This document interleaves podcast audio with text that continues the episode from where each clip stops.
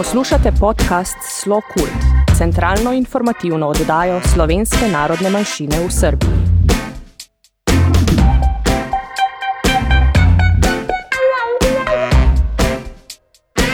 Dragi slušalci, dobrodošli u novi ciklus emisija Slo Kult podcasta – informativnih emisija namenjenih članovima slovenačke zajednice u Srbiji, slovencima po svetu i u Matici, kao i svim zainteresovanim za slovenačku kulturu i savremeno stvaralaštvo slovenačke zajednice u Srbiji. Naše emisije ispunjene su aktuelnostima u oblasti kulture i umetnosti u Sloveniji i Srbiji, najavama događaja kao i razgovorima sa relevantnim gostima o zanimljivim temama vezanim za Slovence u Srbiji, Matici i svetu. U ovoj emisiji predstavit ćemo odabrane sadržaje koji su obeležili januar 2024. godine u Sloveniji, zatim informacije iz Srbije vezane za slovenačku kulturu, dok ćete u trećem delu emisije čuti zanimljivosti vezane za rubriku Upoznajmo znamenite Slovence. Vesti iz Slovenije 4. januara Savez kulturnih društava iz Maribora i Univerzitetska biblioteka ovog grada u Glazarijevoj dvorani održali su tribinu Sećanje na Antoniju Štupcu povodom 150. godišnjice njenog rođenja. Istoričarka Vlasta Stavbar, organizatorka tribine koja je održala i zanimljivo predavanje, prisutna je upoznala sa životom ove učiteljice i aktivistkinje – koja se na prelazu iz 19. u 20. vek pa sve do svoje smrti 1962. godine zalagala za slovenačke osnovne škole, socijalnu pravdu i ravnopravnost žena. Antonija Štupca je vredno radila na promociji slovenačkog jezika u školama, uvodila nove metode i posebnu pažnju poklanjala ugroženim grupama – U galeriji Salsa Verde u Izoli 6. januara otvorena je izložba fotografije Izlaz kroz retrovizor Janeza Pelka. Ovaj samouki umetnik iz Škofje Loke, inače diplomirani elektrotehničar, predstavio je dvadesetak autorskih radova u crno-beloj tehnici, u kojima se poigravao sa izgledom stvarnosti iz fotografskog objektiva. Naime, kako bi na izvestan način iskrivio pogled na stvarnost i predstavio neke od svojih ideja vezanih za alternativne realnosti, autor je kao optičke elemente koristio različite ogledala, sočiva i staklene prizme. Njihovom upotrebom kreirao je kompozicione blokove koji su laki za razumevanje. Iako u svom autorskom radu koristi i digitalne tehnologije – Pelko je ostao veran crno-belim fotografijama različitih formata. Kako i sam istakao, fotografiju doživljava pre svega kao autoterapeutsku, opuštajuću substancu. Izložba Izlaz kroz retrovizor bila je otvorena do 2. februara. U Slovenačkoj kinoteci u Ljubljani Januar mesec bio je posvećen sećanju na Petra Musevskog, istaknutog glumca koji je okončao život 2020. godine.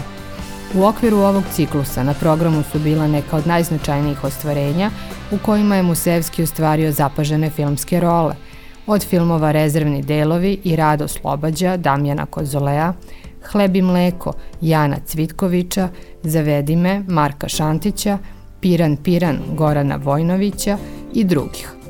19. januara predstavljan je i program od šest kratkih, redko prikazivanih studentskih i profesionalnih filmova, među kojima su Kozoleove Vizije Evrope, Dete u vremenu, Maje Weiss, Vojnovićevi Kinezi dolaze i drugi filmovi. Ovaj ciklus završen je 30. januara dokumentarnim eseističkim portretom, filmom Pero, kojim je Damjan Kozole prošle godine odao počast ovom velikom slovenačkom glumcu i svom bliskom prijatelju. Vajar Ciril Cesar, jedan od pionira slovenačkog industrijskog dizajna, preminuo je 14. januara u 101. godini. Školovao se na oceku za vajarstvo Ljubljanske akademije likovnih umetnosti, a 1953. imao je zapažen uspeh svojom prvom samostalnom izložbom u Jakopičevom paviljonu u parku Tivoli u Ljubljani. Potom se preselio u Celje, gde je radio kao profesor crtanja u učiteljskoj školi. Pored značajnog broja spomenika koji krase slovenačke gradove, Cesar se istakao i kao pronalazač koji je tragao za dobrim dizajnerskim rešenjima proizvoda za masovnu svakodnevnu upotrebu, a to ga je dovelo do inženjeringa u Velenskoj fabrici Gorenje, gde je, između ostalih, napravio patent za masovnu proizvodnju vaga. To mu je omogućilo da svoje znanja dalje usavršava u Nemačkoj 60. godina prošlog veka. Po povratku u Sloveniju nekoliko godina je predavao crtanje i vajarstvo, a penzionisanje iskoristio da se ponovo posveti vajanju u staklu. 31. januara u galeriji fotografije u Ljubljani otvorena je izložba Bagatele, Janeza Bogataja. Autor predstavlja motive koji potiču iz prirodnog okruženja i prikazuje gledaocu svet nedirnut čovekovim rukama. Ideju za ove fotografije Bogata je dobio tokom šetnji po rodnoj Gorenskoj. Rast živopisno obojenog žbunja i drveća ispunjava svaki ugao fotografije – Autor pravi kontraste toplih boja, poput žute, naranđaste, crvene, sa zelenom, dok ključ šarolikosti motiva leži u prirodnom svetlu. Istoričarka umetnosti Vida Jocif je posebno naglasila da se na Bogatajevim fotografijama priroda gledaocu pojavljuje onakva kakva jeste i kakva se može posmatrati u različitim godišnjim dobima. Izložba Bagatele otvorena je do 9. marta. Kulturne informacije iz Srbije Nakon održane revije Dani slovenačkog filma u Beogradu, krajem decembra u društvu Sava organizovana je dodala zahvalnica volonterima koje su uručili predsednik društva Slovenaca Sava, Saša Verbić i umetnički direktor festivala Dragomir Zupanc. Kao i svaki put do sada, nesebično deleći svoju energiju, volonteri su dali svoj doprinos da deveta revija Dani slovenačkog filma protekne u najboljem redu, a zatim su na dodali zahvalnica u veseloj atmosferi i dobrom raspoloženju svi zajedno sumirali utiske. Razgovaralo se i o planovima za naredno jubilarno izdanje revije koje će biti održano u maju. U januaru smo se oprostili od Tatjane Bukvić, dugogodišnje učiteljice slovenačkog jezika i upoznali novu učiteljicu Lenu Vastl Vračević. Proslava je bila obeležena u društvu Sava u Beogradu u četvrtak 25. januara, kada su Saša Verbić, predsednik društva Sava, kao i prisutni učenici, Tatjani Bukvić predali lepe poklone i svi zajedno otpevali njenu omiljenu pesmu Zarijavele Trobente slovenačkog rock benda Lačni Franc. Kako je planirano, nakon kratke pauze, časovi slovenačkog jezika sa novom učiteljicom Lenom počeće u prvoj nedelji marta. U organizaciji ambasade Republike Slovenije u sredu 7. februara na velikoj sceni Madlenijanuma u Beogradu koncertom Big Benda Orkestra Muzičke akademije iz Ljubljane pod dirigentskom palicom Mateja Hotka biće obeležen slovenački kulturni praznik Prešernov dan. Ovi umetnici odsviraće popularne numere od swinga do ritmova Latinske Amerike, a već u četvrtak, 8. februara, u društvu Sava u Beogradu biće upriličena promocija novog broja časopisa Slovenika, kao i prikazivanje filma o Zlatanu Vaudi u režiji Vladimira Šojata i Dragomira Zupanca. Dragi slušalci, budite slobodni da sve zanimljive i važne informacije koje su vezane za kulturne i druge događaje slovenačke zajednice u Srbiji, kao i u Sloveniji, podelite sa nama.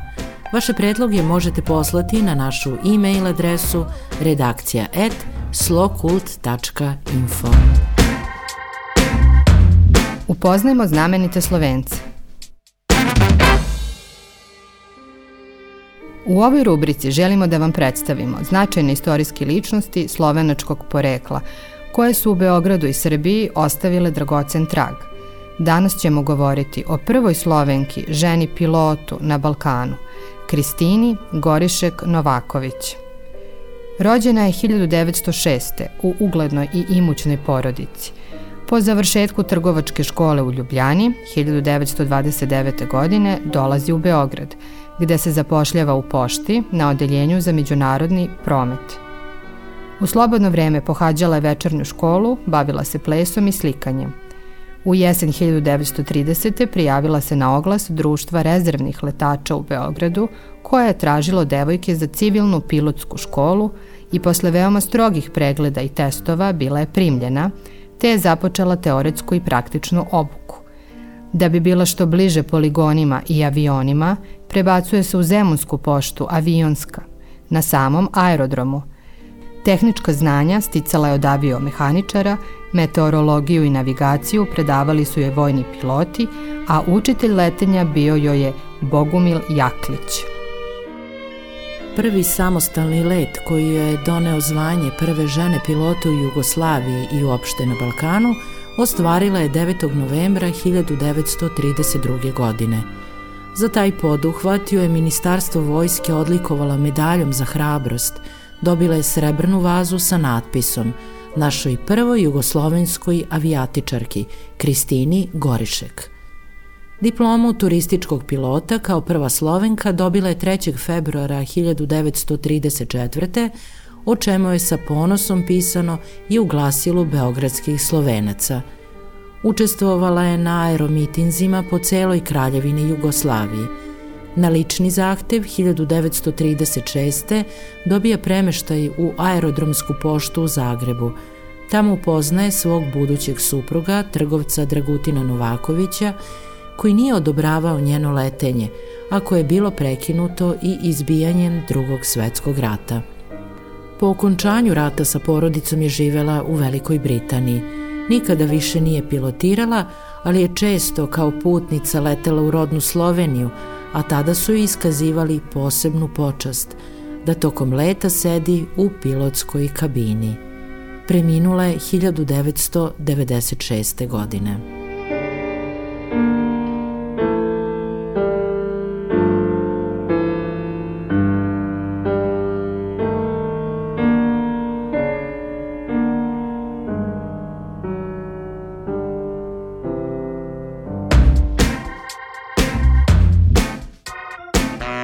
Dragi slušaoci, to bi bilo sve što smo vam pripremili za danas.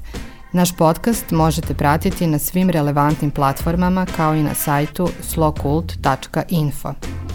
Sa vama su bile Ivana Mandić i Irina Maksimović-Šašić. Tehnička realizacija Dino Dolničar. Redakcija Slokult podcasta Tanja Tomazin, Ivana Mandić, Saša Verbić, Dino Dolničar, Katarina Đorđević-Urošević i Irina Maksimović-Šašić. Sve najbolje vam želimo.